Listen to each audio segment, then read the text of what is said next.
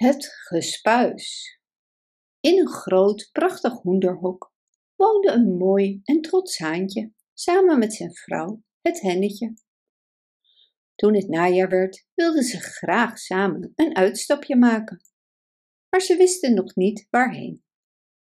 Na lang overleggen zei het haantje: We zullen naar de Notenberg gaan om eens lekker te eten. Het is immers het seizoen dat de noten rijp zijn. En anders zijn we te laat. Dan hebben de eekhoorntjes alle noten al opgegeten. Ja, je hebt gelijk, zei het hennetje. Het is een erg leuk plan, dus laten we het doen.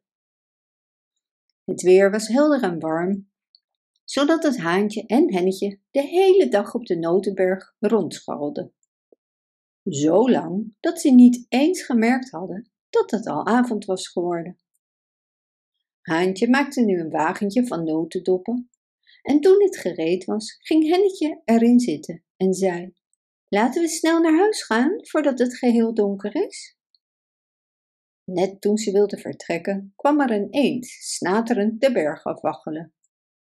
Dievenpak, wie heeft jullie het recht gegeven om mijn noten weg te halen? Maak dat je wegkomt. Haantje was echter niet snel onder de indruk en verdedigde zich tegen de eend. Hij bleek zelfs een stuk sterker dan de eend en eiste als tegemoetkoming dat de eend het wagentje van Haantje en Hennetje vooruit trok. Eenmaal op de weg bleef hij de eend aansporen om harder en harder te gaan lopen.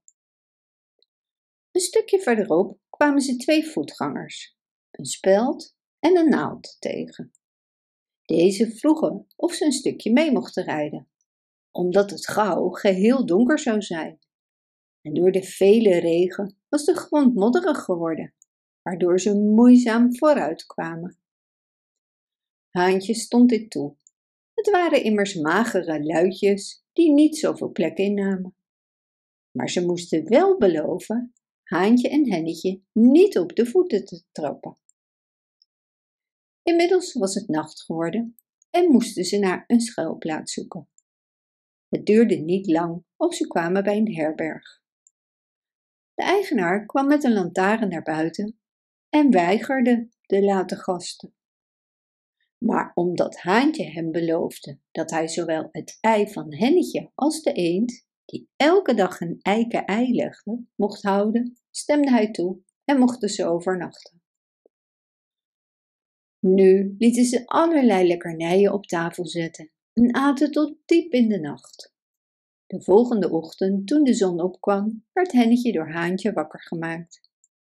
Ze aten gauw het pasgelegde ei op en gooiden de eierschalen op de haard. Daarop gingen ze naar de naald, die nog in slaap was, en ze staken die in de handdoek van de herbergier. De speld staken ze in de zitting van zijn leunstoel en ze vluchtten zo snel als ze konden. De een die voor de deur had geslapen, hoorde Haantje en Hennetje vluchten en ging er in draf vandoor. Spoedig vond ze een beekje en zwom weg. Even later werd de herbergier wakker, stond op, waste zich en wilde zich afdrogen met een handdoek. Maar oh wee, daar kraste de naald over zijn gezicht. Van de schrik bekomen ging de herbergier naar de keuken om vuur te maken. Bij de haard zag hij de eierschalen. Balend van zijn pech deze dag, plofte hij neer in de leunstoel.